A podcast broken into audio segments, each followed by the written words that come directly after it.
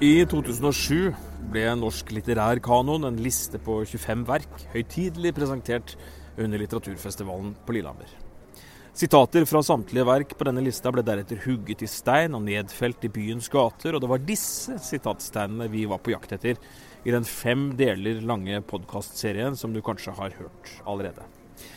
Hele dette her prosjektet med å gå rundt her i byen og, og lage en podkastserie i regi av Lillehammer Unesco litteraturby, det var så interessant, syns vi sjøl da i hvert fall, at vi like greit gjorde et eget litteraturarrangement av det hele i forbindelse med Sigrid Undset-dagene på Lillehammer i november 2020.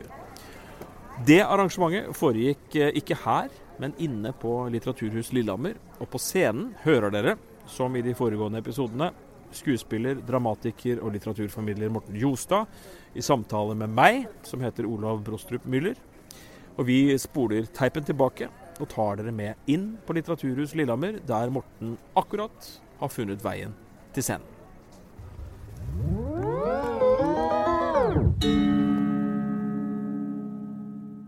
Aftenposten. Lørdag 21. november 2020. Kristin Lavransdatter 100 år. Fantastisk oppslag i dag. Revansje for Sigrid Undset er eh, eh, kommentator Ingunn Øklands eh, tittel. Revansje for Sigrid Undset. I dag er det 100 år siden utgivelsen av Kransen, første, det første bind om Kristin Lavransdatter. Sigrid Undset fikk nobelprisen i litteratur for verket i 1928, osv.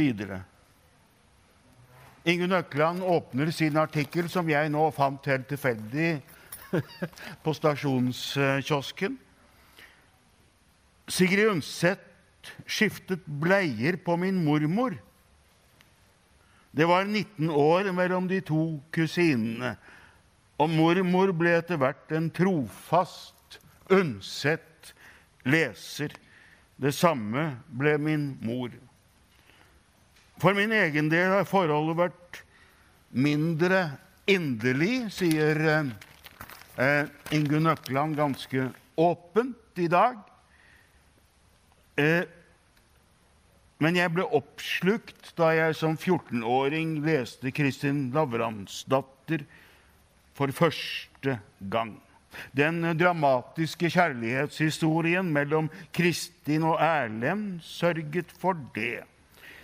Men i studietiden på 1990-tallet ble jeg innlemmet i det som er blitt kalt den kollektive lavransvegringen.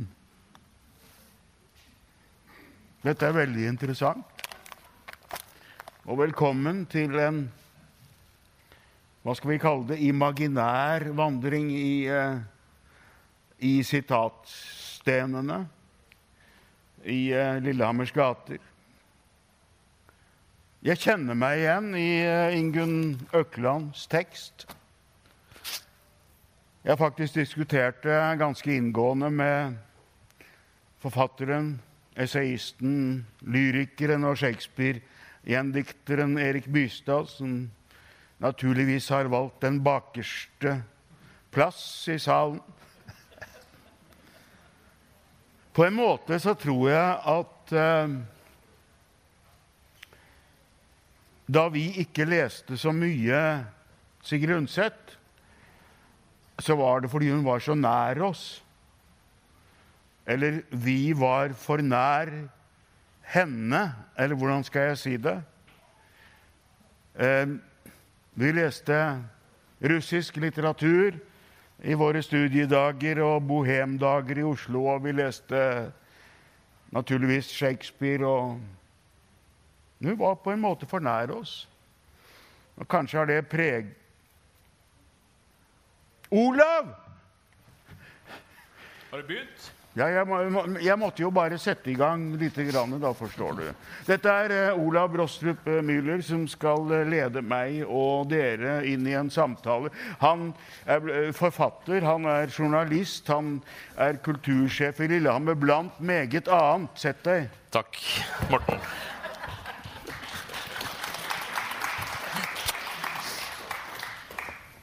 Jeg bare måtte begynne, for jeg syntes vi må, når det er festival, så må vi være litt på, Ja, på klokkeslettet. Jeg er så vant til å møte deg rundt omkring i Men det var vel egentlig meningen at du skulle introdusere Jo, meg, og ikke jeg deg? vi hadde en plan om det, Morten. Ja. Men jeg har blitt så vant til å møte deg rundt omkring på gatehjørner i det siste, så jeg kikka egentlig et annet sted først. Ja. For vi har vært mye ute og gått. ja, nå har vi gått. Ja. Og vi skal, vi skal også gå litt i dag gjennom byen, på et vis. Men det skal også handle om sitatsteinene. Disse 25 sitatsteinene som ble lagt ned i Lillehammers gater Ja, for en 10-12 år siden. Ehm, og, og vi skal Og da vil jeg gjerne bli kvitt det der bildet av meg, for det er ikke så særlig morsomt. Skal vi se på Eh, de og kan ikke du heller sette inn et bilde av sitatsteinene? Der har vi dem. Ja. Og bare for å ta det aller først, så kan vi si litt om hva dette her ikke er for noe. Det vi skal gjøre nå. Det er liksom ikke en historisk gjennomgang av arbeidet med norsk litterær kanon. Det er ikke noen sannhetskommisjon vi har oppretta her. Det er ikke det dere får svar på her i dag. Det er ikke noe ekspertuttalelse egentlig i etterkant eh, heller. Det er bare noe flanerier. Tanker som har kommet til oss to mens vi har gått gatelangs. Men vi kan begynne litt med utgangspunktet her, da, for det er jo et utgangspunkt. Norsk litterær kanon ja.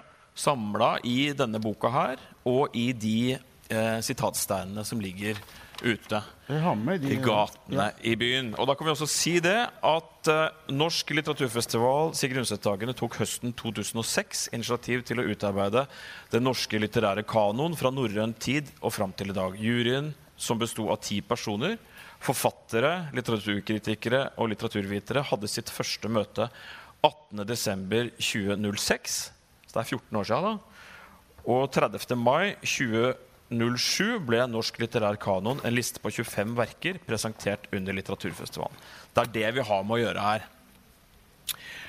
Men eh, hva skal vi si, ja, Morten? Hva, hva slags uh, idé var dette? Var det en god idé? Ja, Jeg syns det var en veldig god idé. Og, eh, og så syns jeg at i starten på denne praten om dette, oppsummeringen, så er det viktig å minne om at det var eh, en eh, person som hadde ideen. Og det var kunstnerisk leder Stig Seterbakken. Um, og han var uh, et menneske som flere som sitter her i dag, uh, kjente. Uh, og han skjønte at diskusjon og provokasjon, det var godt for en festival. Eh, og derfor eh, tror jeg han provoserte Det vet du mer om enn jeg gjør, men han provoserte mer siden i sin løpebane.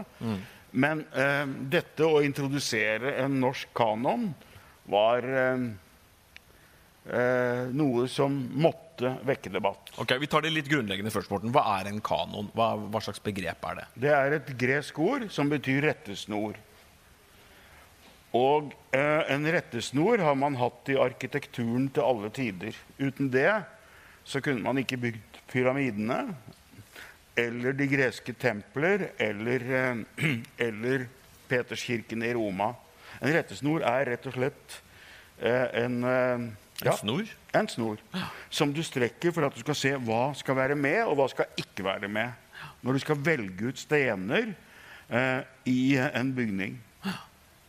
Men i bøkenes verden, da? Eh, hvordan eh, Det, det, er, fungerer det? det er Det nye testamentet. Okay. Eh, hvor vi får dette inn i vår kultur. Altså valget mellom hvilke eh, skrifter skulle være med i Det nye testamentet. Altså, det er også den samme diskusjonen når det gjelder Det gamle testamentet. Men det hadde eh, den jødiske kultur bestemt for lengst, så det var det ikke noe å diskutere om. Men når det gjaldt å opprette Det nye testamentet om Jesu liv og hans gjerning og apostlenes gjerninger, så var det store diskusjoner som gikk over flere århundre. Og da var det kanon å bestemme seg for hvilke verk verker som skulle være med. Det store kirkemøtet i Nikea på Ja, ja. 300-tallet Ja, ja. som man på en måte sa, satte punktum. tid da. før man kom frem til Men det betyr også at når man, når man øh, bestemmer hvem som skal få lov til å være med i det gode selskap, så bestemmer man også hvem som skal på en måte dømmes til glemsel. til Og det er- ikke å være med. Ja, og det er ikke få paller med bøker som blir kjørt ut bakveien på biblioteket her hvert eneste år. Ut i glemsel, kan du si. da. Bøker som kanskje ikke fortjener et, et eh, tusenårig liv nødvendigvis. Mens disse som er på denne lista med 25 verk, de har noen kloke hoder bestemt at dette her, det er det ypperste. Dette må vi i hvert fall huske på. Dette skal vi minne hverandre på i årene som kommer. Ja, også. Men det vi skal diskutere her i dag, er jo om det var de gode valgene, eller om man burde ha valgt annerledes. Ja. Ok, det er en stor oppgave, Morten. Ehm, kan vi si noe om liksom, det vi vet om arbeidet som ble lagt ned den Hva- hva gangen? sa du? Kan, du, kan vi si noe om arbeidet som ble lagt ned den gangen? Altså, Hvordan var det man jobba? Eh, Jeg vet ikke nok om det. Eh, Det burde vært skrevet eh, mer historiedyktig om det. Eh, Men det ble, mm, på Stig Seterbakkens initiativ så ble det laget en komité. Og det jeg vet, er at de eh, som var med i komiteen, de skulle stille med forslag til i hvert fall ti navn. Og ha, med seg en liste for det. For man var enige om at man skulle ende på et resultat med 25 navn. Og vel å merke, det er verkene som er kanonisert, ikke forfatterne. Altså det er, eh, det er Ibsens Peer Gynt som er kanonisert, ikke Ibsen. Eh, alt går på verkene. Og de skulle ha med seg det. Kan jeg fortelle en historie om det? Ja. Hvordan de gjorde det? Eh, Fordi at i den boken som du er så heldig å ha der, den er meget sjelden og vanskelig å få tak i. Eh, Jeg, mitt eksemplar det står i bokhylla på Nantenskolen, men der har jeg ikke lov å gå inn for tiden pga. Reglene slik det er med smitte. Det er en essaysamling som jeg virkelig kan anbefale, og som er veldig morsom. Eh, og eh, bakerst i denne essaysamlingen så er det et essay av Jan Kjærstad. Eh, han satt i komiteen for å foreslå og eh, vurdere. Det vil si at Jan Kjærstad naturligvis ikke kunne bli kanonisert. For man har ikke lov til å foreslå seg sjøl. Det, det er litt Nei, det eh, tror jeg ikke. Dette vet jeg ikke noe om. Det var vel sikkert Stig som fant på det òg. Ja, okay. Han skulle i hvert fall sitte der. Og, og da kunne han jo ikke bli kanonisert, selv om han hadde fått eh, Nordisk råds litteraturpris. Men han stilte, og det forteller han da i den boken der, eh, i et essay om hvordan det første møtet var. Eh, eh, og det tror jeg at jeg husker. Da skulle de møte opp med hver sin liste om foretrukne kandidater. Og eh, eh, Jan Kjærstad han hadde bestemt seg for ti. Vil du høre hvordan den lyder? Ok. Ja. Og det var Jan Kjærstads liste for foretrukne. Én Henrik Ibsen. Per Gynt. To Knut Hamsun, 'Mysterier'. Tre Henrik Ibsen, 'Hedda Gabler'. Fire Knut Hamsun, 'Sult'. Fem Tom. Seks tom. Syv tom. Åtte tom. Ni tom. Ti Sigrid Undset Kransen. Ja. Jeg syns det er helt fantastisk. Og det var det han stilte med på møtet. Og han følte seg selv ikke opp på noen liste. Sånn eh, begynte vi å diskutere. Hvordan skal vi diskutere det i dag? Var det riktig de valgene de tok? Du, Morten, det at du tar med deg folk gatelangs i Lillehammer, og da også gjennom litteraturhistorien, det har jo blitt et sånn fast innslag som hundrevis av mennesker har fått med seg, som har vært et årlig høydepunkt for mange. Eh, hvordan kom den ideen i stand? at du skulle begynne å gjøre det?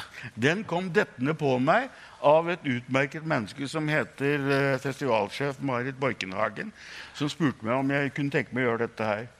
Og min første tanke var Jeg vet ikke hvor interessant dette er egentlig, men uh, siden du spør Jo, det er interessant. Ok. Uh, min første tanke var at det gjør jeg gjerne, men det kan ikke være noen som er interessert i dette her.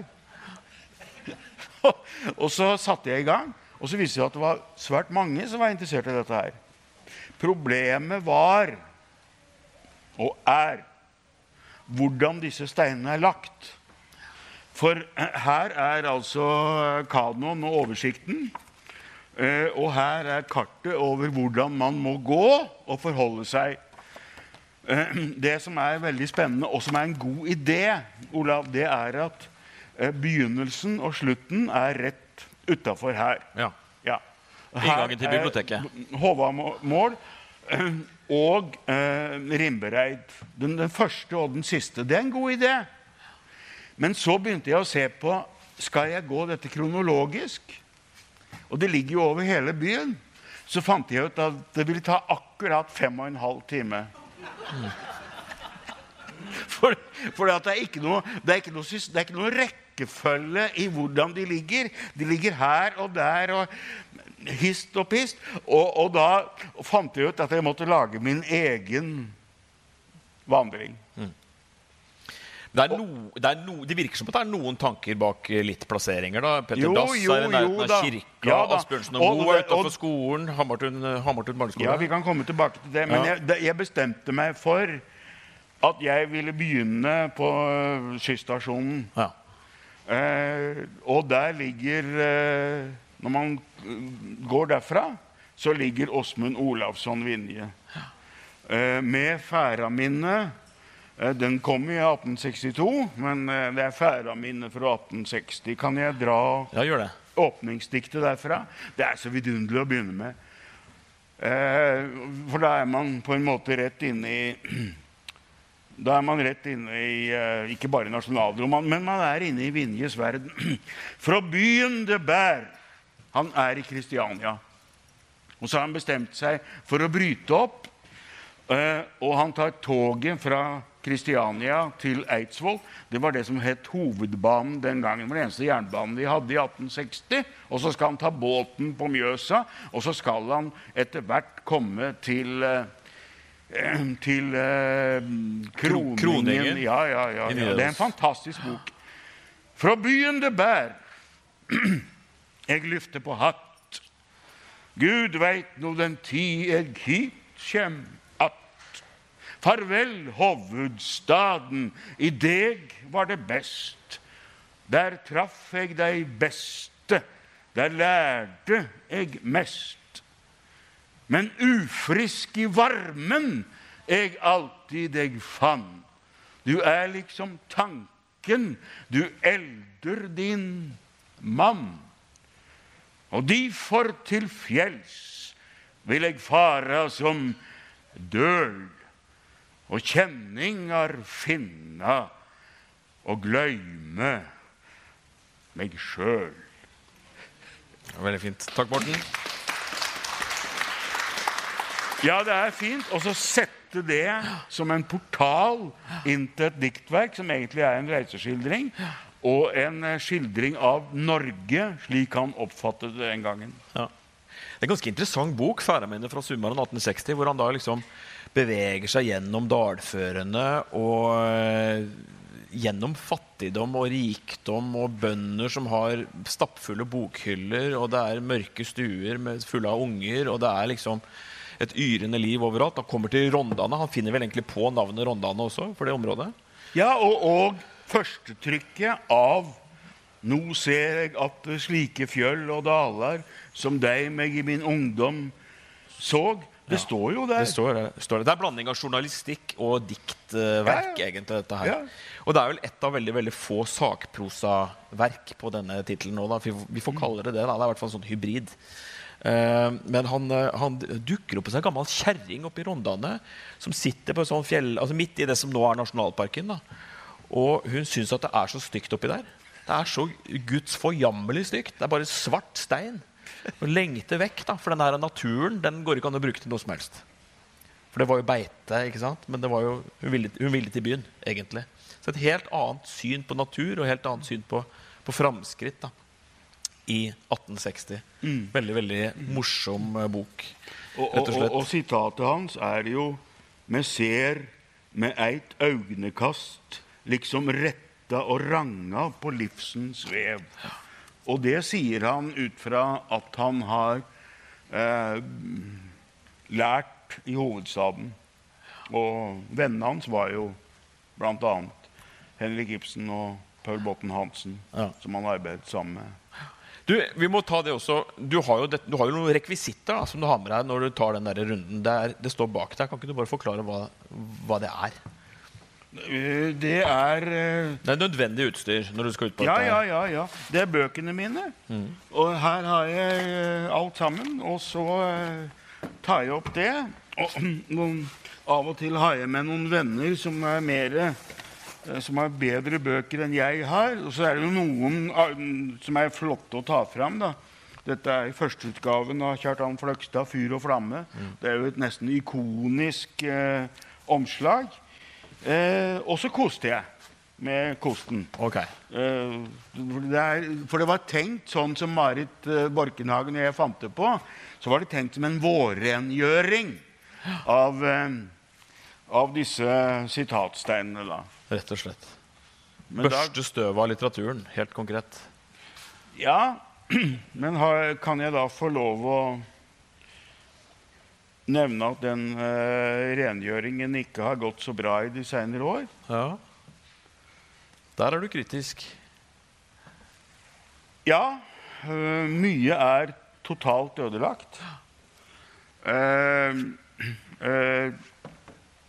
her er eh, Olav H. Hauge og hans sitat En stein eh, eh, er et spor i ei kald elv.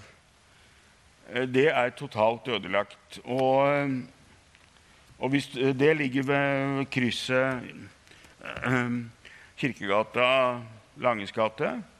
Og hvis det går ett kryss opp, så ligger Dag Solstad. Og han er det på sommerstid ikke mulig å se. At det er det gymnaslærer Pedersen, og det ligger nedenfor Lillehammer videregående skole. Veldig godt valgt. Uh, og uh, sammenhengen skjønner alle, men det er grus og stein overalt. Hva vil du gjøre med dette her? Nei, det er det, det er det som er spørsmålet, da, om vi skal gjøre noe med det. Det er, det er messing som er nedfelt i steinene. og Nå snakker du om det rent konkrete, at sitatene er ødelagt. altså rent sånn. Ja. Steinene er ødelagt av vinterbrøyting og andre ting, sannsynligvis. Og så, Ja, ser du, de- de- så ser du veldig strengt på meg og sier at dette må jeg fikse. Og så sier jeg kanskje vi heller skal gjøre det til et slags Altså, litter, det- litterært poeng. At en kanon til enhver tid er i oppløsning, Morten. Jo, men Så hvorfor, sparte vi de pengene på budsjettet. Hvor, ja, men kjære kultursjef, hvorfor skal de som ligger i gågata, som f.eks. Rolf Jacobsen eller Tarjei Vesaas eller eh, Jan Erik Vold, de er helt perfekte. Hvorfor skal Olav og Hauge har gått gjennom en sånn eh, eh, oppløsning? Eller Dag Solstad? Altså det, det som er det fakta her, er jo Og det som er en Altså dette må man se på som en politisk realitet. Eh, Sparebankstiftelsen spytta inn penger. De kan spytte inn penger. Men de gir, eh, aldri, så gir de en gave til en kommune. Men de gir aldri gaver til vedlikehold, og det holder jeg med dem i. Det er vårt ansvar. Hva vil du gjøre med det? Vil du la forfallet fortsette? Nå er du så streng, og nå er det så mye publikum her, Morten, at nå må jeg bare si dette tar jeg med meg, og det blir en del av vår helhetsvurdering. Vi har også ordføreren i salen, så det går an å stille spørsmålet etterpå. Vi går videre. Nei, men også, Når du er ute på disse vandringene, Morten, hva er det, hva er det liksom folk liker best? Hva er det de reagerer best på sånn erfaringsmessig? Hva? Hva er det publikum reagerer best på når dere er ute og går? Det, ja, det er et uh, fint spørsmål og vanskelig å svare på. Er det likt hver gang, eller er det Nei, nei, nei. nei, nei. Og det er forskjellig hver gang. Og, men det er noen eh, Jeg skal ikke være for mye personlig, men det er noen sitater jeg syns er veldig krevende å komme over. eh, Og det har jo vi merket nå Ja. i, i vårt eh, arbeid med denne podkasten. Er det ikke det det heter? Eh, altså Det er noen sitater som er fantastiske, men som er veldig krevende fordi at de er så omfattende. Et eksempel er Camilla Collett, som ligger altså rett over eh, hjørnet der. Eh, Amtmannens døtre, som er helt velplassert, helt riktig. Eh, men det er en tidlig roman fra 1850-tallet, og, og veldig tidlig i europeisk sammenheng. Men det er vanskelig å gjøre rede for innholdet i en så kompleks roman. Olav Duun har jeg også store problemer med. Når jeg da kommer til Rolf Jacobsen eller Jan Erik Vold eller Olav H. Hauge, så er det jo det å lese et dikt er bare rett og slett helt fantastisk. Og spesielt min favoritt, Rolf Jacobsen, så samler alt seg i det diktet. Eh, Men så kan man fortelle anekdoter. Kan jeg ta litt av det? Ja, Okay. for all del. Så får vi snakke om noe annet enn kommunalt ja, ja. vedlikehold. Og så på en måte det, eh, det, kan- kan, jeg få, eh, kan jeg få lov å si litt om det verste sitatet? Ja, kjør på. Gjør det. Ja. Det er viktig. Eh, og det er Henrik Ibsen. Dere har hørt om Henrik Ibsen? Ringer en bjelle. Verket er Per Gynt, og sitatet ligger utenfor Vinmonopolet i Jernbanegata. Det, eh, hvor mange er det som kan det sitatet utenat, som ligger der? Erik Bystad kan det. Du skal få slippe å si det. Sitatet er Synes du dette på alderdom peker?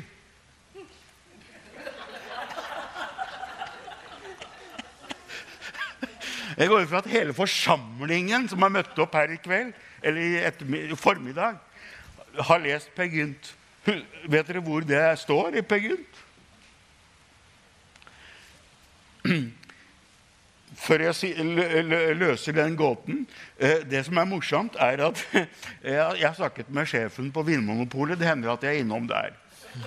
Eh, og eh, hun har fortalt at på sommerstid eller, så får de besøk av turister.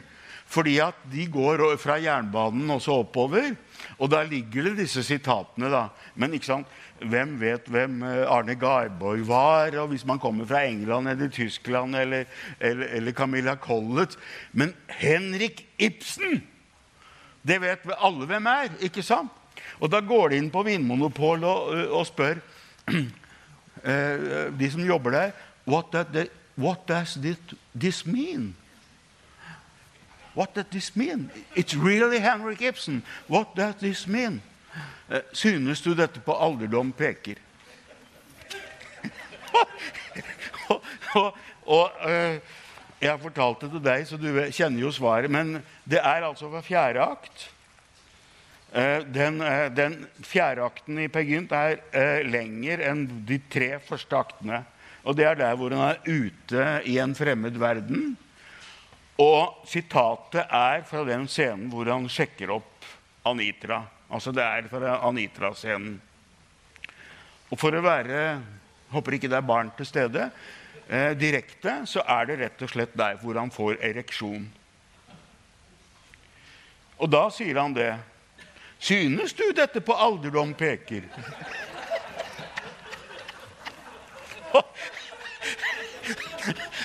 Og det er sitatet. Og jeg mener at hvis jeg hadde brukt eh, en måned på å lete etter et dummere sitat fra Per Gynt, så hadde jeg aldri kommet på noe så dumt.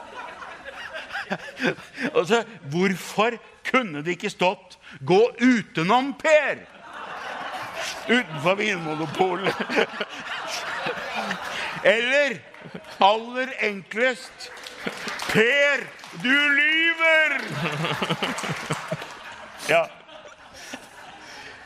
Så det er en del lavthengende frukt her som man bare har gått rett forbi. altså rett og slett. Se på det neste gang.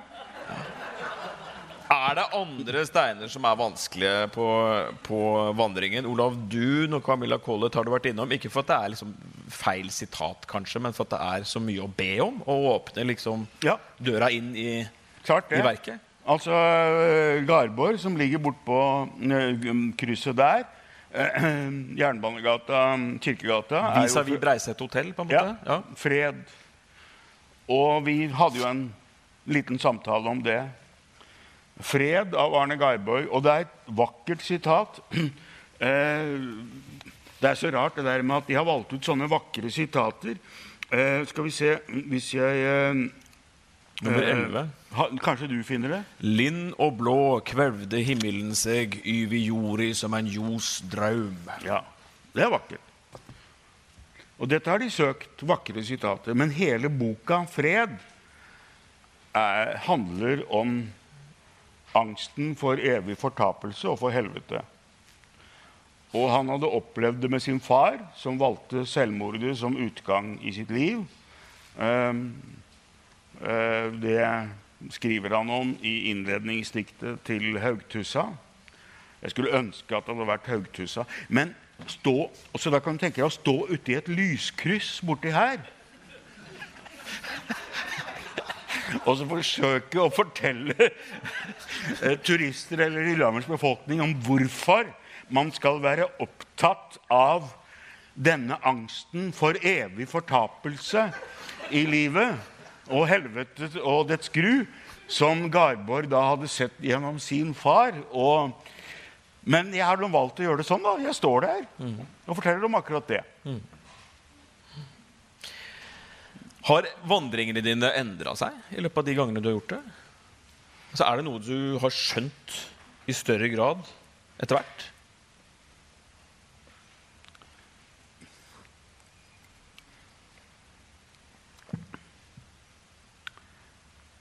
Nei, egentlig ikke. Men, men eh, eh, jeg måtte tenke veldig mye på at noe er vanskelig å formidle, og noe er lett å formidle. Men det har jeg jo for så vidt eh, nevnt nå, da. Eh, og eh, jeg tror at hvis jeg skulle fått det til bedre, så måtte jeg lest på en måte alle verkene om igjen. Og um, funnet noe nytt i dem som jeg ikke har sett um, til nå. Eh, det beste sitatet er jeg ikke et øyeblikk i tvil om. Det, det ligger i Jernbanegata. Altså jeg kaller det er Henrik den første og Henrik den annen, for der ligger de to. Altså Henrik Wergeland og Henrik Ibsen. Og det ligger utenfor eh, eh, eh, mediehuset, som det heter i dag. GD. Og det, hvis jeg kan bruke ørliten tid på det, det er sitatet 'Ung må verden ennu være' av eh, Henrik Wergeland. Fra 'Jødinnen', som er det ene av de to store stridsskriftene han hadde for å få forandret jødeparagrafen i Grunnloven, som hans far hadde vært med på å vedta på Eidsvoll. Og det er en fantastisk plassering. Fordi at det er en forbindelse til eh, begynnelsen av eh, eh, avisvirksomheten, den offentlige avisvirksomheten her i Lillehammer, akkurat der. Selv om det skjedde et annet sted. Og det har sammenheng med at eh, Lillehammer Tilskuer, som det het, eh, var redigert av Sylvester Sivertsson. Og han var eh, en god venn av eh, Wergeland. Og da Wergeland pga. sin radikalitet og sin måte å uttrykke seg på ble nektet spalteplass i eh, eh, Kristiania-avisene, og spesielt i Morgenbladet. Hans berømte dikt 'Jeg i slett lune morgenblad' forteller alt om det. Men etter det så begynte han å skrive i eh, eh, provinsaviser. Drammen og Lillehammer var antagelig de verste. Erik Bystad som fortsatt sitter på bakerste stol, har skrevet en eh, meget innsiktsfull og morsom bok om dette, som heter 'Wergeland i tilskueren'. Og det sitatet, 'Ung må verden ennu være', eh, er fra idédiktet 'Følg kallet' i Jødinnen.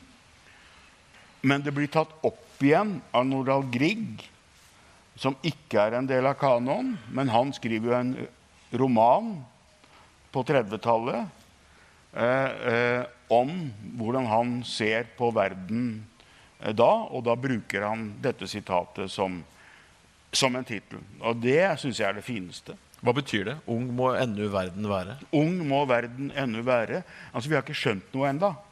Det er det det betyr. Vi er tidlig i utviklingen som Ja. menneskehet? Ja, ja. Er det det det betyr? Ja, ja. Vi, er jo, vi oppfører oss som vi var eh, Som om vi ikke har lært noen ting. Men det er, men det er mange plan i det, store diktet. Men det er, hvis, hvis du skal ha et enkelt svar, så er det det. Vi har så mye å lære. Og så veit jeg at du er veldig du er, du er i god fart når du stopper hos Dag Solstad borte på Søndre Park, gjerne. Det, det liker du å snakke om, det sitatet. Ja. Vil du ha det? Ja, gjerne det. Det Men hva er grunnen? Er det at det er så fantastisk bra? Ja Nei. Det er litt begge Altså, det, jeg kan ikke eh, Jeg må finne Jeg må bla opp. Jeg, altså, jeg kan ikke ordentlig denne historien eh, om hvordan dette ble gjort. Eh, det kunne, men det tror jeg det kunne forskes på. Det jeg har hørt, er at eh, de, forf altså de forfatterne som var døde, de eh, måtte man nødvendigvis velge hvilket eh, sitat de skulle ha. Eh, så det måtte da noen andre ta seg av. Komité eller jeg vet ikke. Men levende forfattere de kunne velge sitt eget sitat. Okay. Tror jeg. Ja. Og Dag Solstad han var veldig levende. Og det er dette han er eh, kanonisert med. Ikke roman 1987 her på Lillehammer, men da gymnaslærer Pedersen. Ja, det, Han fikk eh, Nordisk råds litteraturpris for den. Eh, men tiden strekker ikke til til det, tror jeg. Nei. Men gymnaslærer Pedersens beretning om den store politiske vekkelsen som har hjemsøkt vår vårt land. Og der er eh, sitatet eh, eh, Månen hang stor og gul over hodene våre. Okay. Ja, Det er jo vakkert. Og, og Veldig ofte så har de en sånn tendens til å søke noen vakre sitater. Eh, men sitatet er litt annerledes. Jeg vet ikke hvor godt dere kjenner eh, gymnaslærer Pedersen. Men noen har sikkert også sett filmen. Eh, ganske bra. Eller svært bra, vil jeg si. Eh, og det er de to eh, gymnaslæreren. Eh, og så er det Nina Skåtøy, som er heltinnen ikke sant, i eh, eh, AKP ML.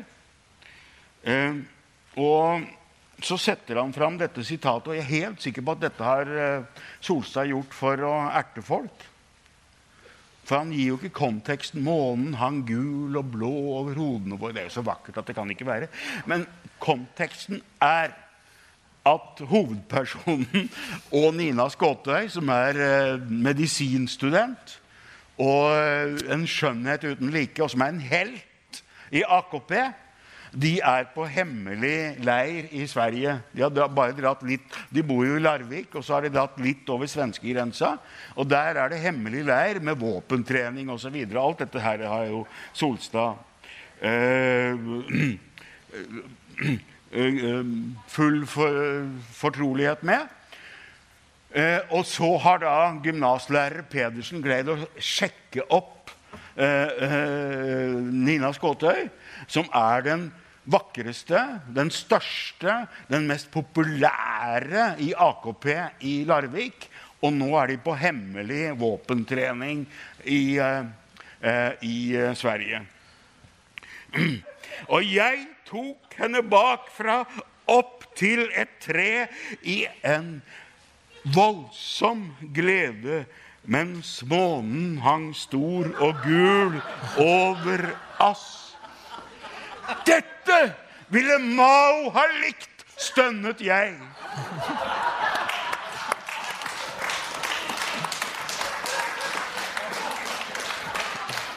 Les det for alle gymnasiaster. Ja. Du har nevnt et par ganger, Morten. Vi har vært ute på tur. Vi har eh, laga en podkast. Vi, vi, har tatt med oss en mikrofon. så vi har gått rundt Skal vi se om vi får opp et bilde av det her. Vi har gått rundt i byen, du og jeg, i høst. Og dette her kommer da samla som, eh, som eh, fire podkastepisoder. Da kan vi se det neste bildet. Litteraturbypodden heter den podkasten. Den kan dere høre på alle sammen, helt gratis. Dette her er å finne på Spotify og på Apple Podcast og overalt ellers hvor man eh, hører på den slags. Så vi har eh, sikra dette litt for ettertiden også. Vi går gjennom byen og, og, tenker litt høyt, begge to. Men det som har slått oss da, når vi har gått gjennom denne løypa, det er jo at det er en del ting som mangler. Det er en del ting som ja. ikke er der. Og nå skal vi bruke noen av de siste minuttene her, Morten, på å komme med et forsøk på å legge ha, ha, Har vi igjen tid? Vi har igjen ca. sju minutter. Ok.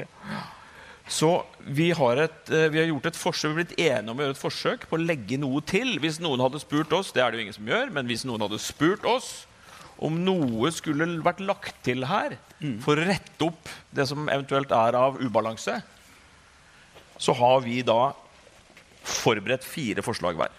Dette her har vi ikke prata om, så jeg veit ikke hva du trekker opp av bagen nå, Morten. Og du veit ikke hva jeg kommer til å foreslå. Nei. Vi får være raske. Ja. Uh. Skal vi begynne? Vil du ja. begynne, eller skal jeg ta det første? Uh. Det var mange bøker. Jo, men jeg må finne notatene. Kan ikke du begynne? Ok. Nei, Dette er litt med utgangspunkt av hva som, hva som ikke er uh, representert i kanoen så langt. da. Dette her er et, et verk av uh, udiskutabel litterær kvalitet som jeg mener man burde ha funnet plass til. Så mye rart kan hende når man bor i en tunnel. Vil du høre begrunnelsen? Ja.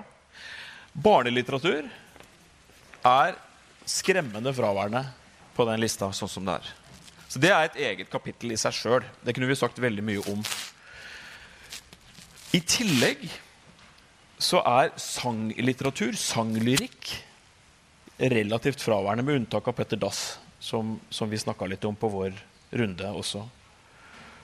Og det å fått inn den delen av litteraturen som er i bruk i barnehager og i skoler og i bursdager og på barnerom det, som, det, som, vi synger, det som vi kjenner til, det hadde vært interessant å fått inn på den lista. I tillegg til at det er en helt fantastisk sang og på en helt fantastisk plate med helt ubestridte litterære kvaliteter. Knutsen og Ludvigsen, 'Grevling i taket'. Din tur. Eh, boka mi hvor jeg hadde notatene, er blitt borte. Eh, men jeg vil si eh, Ehm, Sven Elvestad, 'Jernvognen', som kom tidlig på 1900-tallet. Eh, han skrev under pseudonymet Stein Riverton. Eh, 'Jernvognen' er verket. Jernvognen. Vi lever i en tid hvor av en eller annen grunn kriminallitteratur er opprettet til noe Opphevet, mente jeg, til noe av det som er det viktigste i verden. Det er ikke den bibelske kanon som er viktig lenger, men det er kriminallitteraturen. 'Jernvognen' av Sven Elvestad, Stein Riverton, står som portalen inn til eh, eh, norsk kriminallitteratur. Og han, etter min mening, tag tangerer Knut Hamsuns sin samtidige språk. Men her snakker vi om noen hierarkier. da, ikke sant? At Krimbøker og krimlitteratur er ikke så mye verdt. Det er ikke fint nok. Har man kanskje tenkt fram til nå. da, sånn at Det er ikke med på lista.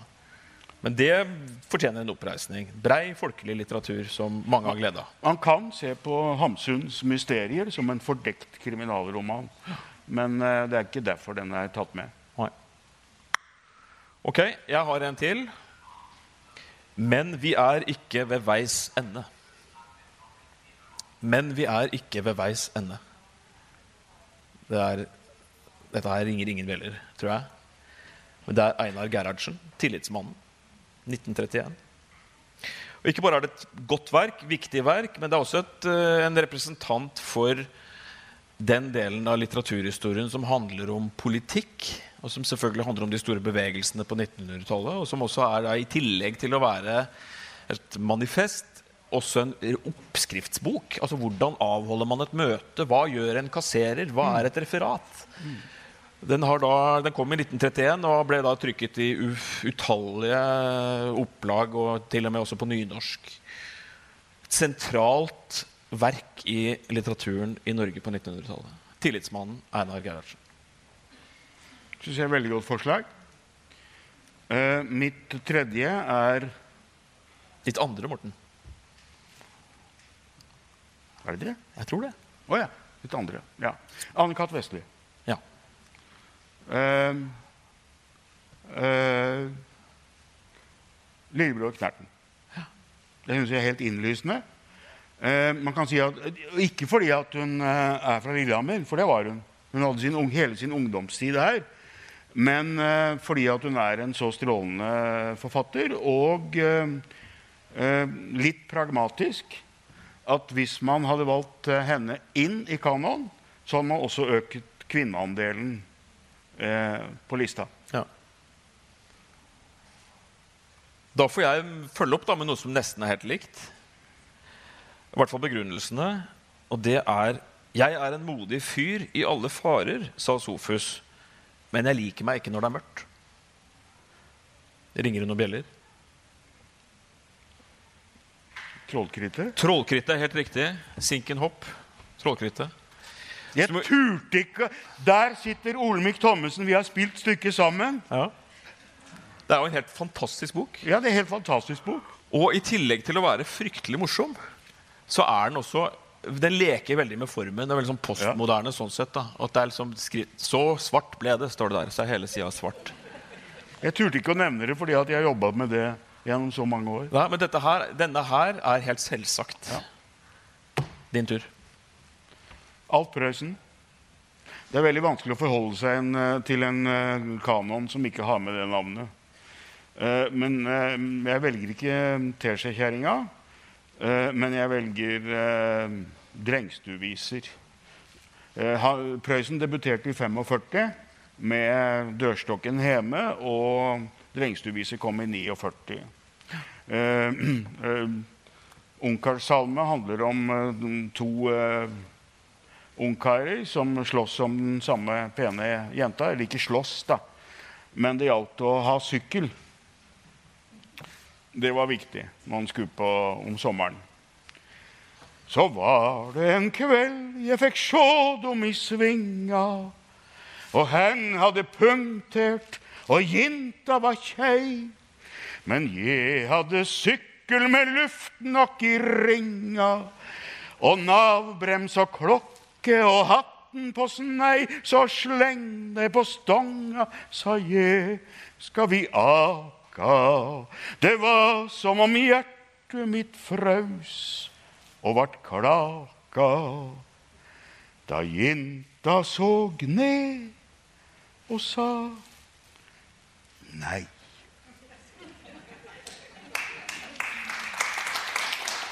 Da har vi to igjen.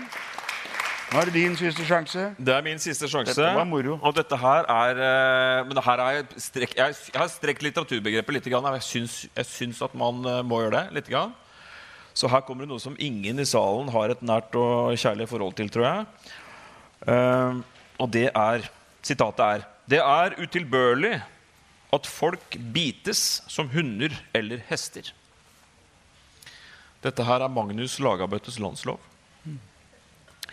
Og dette er et fantastisk eh, litterært verk. Veldig mye av fundamentet for samfunnet vårt er litteratur i form av juss, lover og regler som er nedskrevet. Og i denne landsloven så etablerer man den norske rettsstaten. Man etablerer rettssikkerhet. Man, etablerer, man avvikler blodhevn. Man, avvikler, man oppretter statens voldsmonopol. Og alt som kommer etterpå, er liksom tillegg. Det er detaljer. Det er et liv før og et liv etter Magnus Lagabøtes landslov i norsk historie. Vær så god. Ja, da er det mitt siste forslag. Og det er det viktigste. Det er det som er mest ubegripelig at det ikke er med i den norske kanon. Det er riktignok eh, lagt ned en stein i elva eh, med hans siste ord 'De gode gjerninger redder verden'. Eh, den er fullstendig oversvømt nå i eh, denne fantastiske flaumen, eller hva vi skal kalle det. Men det er altså Bjørnstjerne Bjørnson. Når man ikke tok med Bjørnson i de diskusjonene, eller resultatet av diskusjonene, så kan det ha sammenheng med at man da syns at bondefortellingene er utdaterte. Ikke vet jeg. Skuespillene hans Han skrev flere helaften skuespill enn Henrik Ibsen. Og han var den første til å skrive moderne, realistiske stykker. Men det hjalp nå heller ikke. Eller eh, de andre tingene. Men det, de har glemt et verk i Bjørnsons produksjon. For det er verket som skal kanoniseres. Ja. Og det er dikte og sange, som første gang kom i 1870. Der står 'ære det evige forår i livet'. Der står tonen. Ehm, der står f.eks. også en sang som mange nordmenn liker å synge av og til. Ja, vi elsker dette landet som det stiger frem. Furet værbitt over vannet med de tusen hjem. At det ikke skal være med en norsk kanon, er mer enn jeg kan begripe. Da kanskje vi skal slutte her med at jeg fremfører ett dikt av Bjørnson. Ja. Det er meget kort. Han kunne også være kort og beskjeden. For det er bare seks linjer, hele diktet.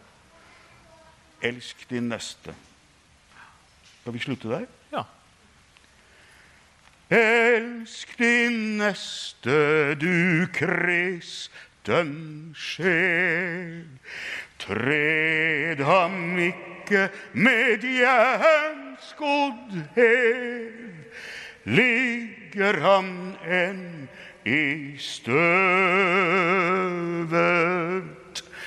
Alt som lever, er underlagt Kjærlighetens gjenskapermakt bliver den bare prøvet.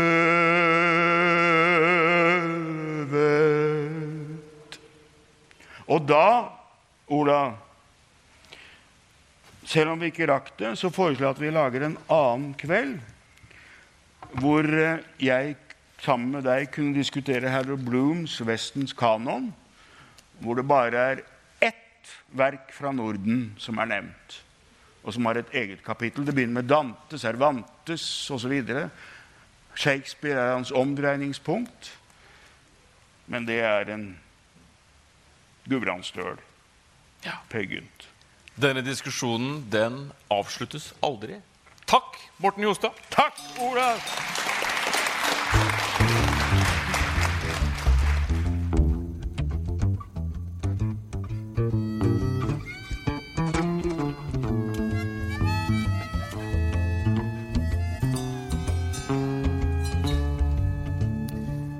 Har akkurat hørt et opptak av arrangementet vi hadde under Sigrid Undset-dagene på Lillehammer høsten 2020. På scenen hørte du Morten Jostad og meg, som heter Olav Brostrup Müller. Og dette her har vært en podkast fra Lillehammer Unesco litteraturby. Vi takker for at du hørte på.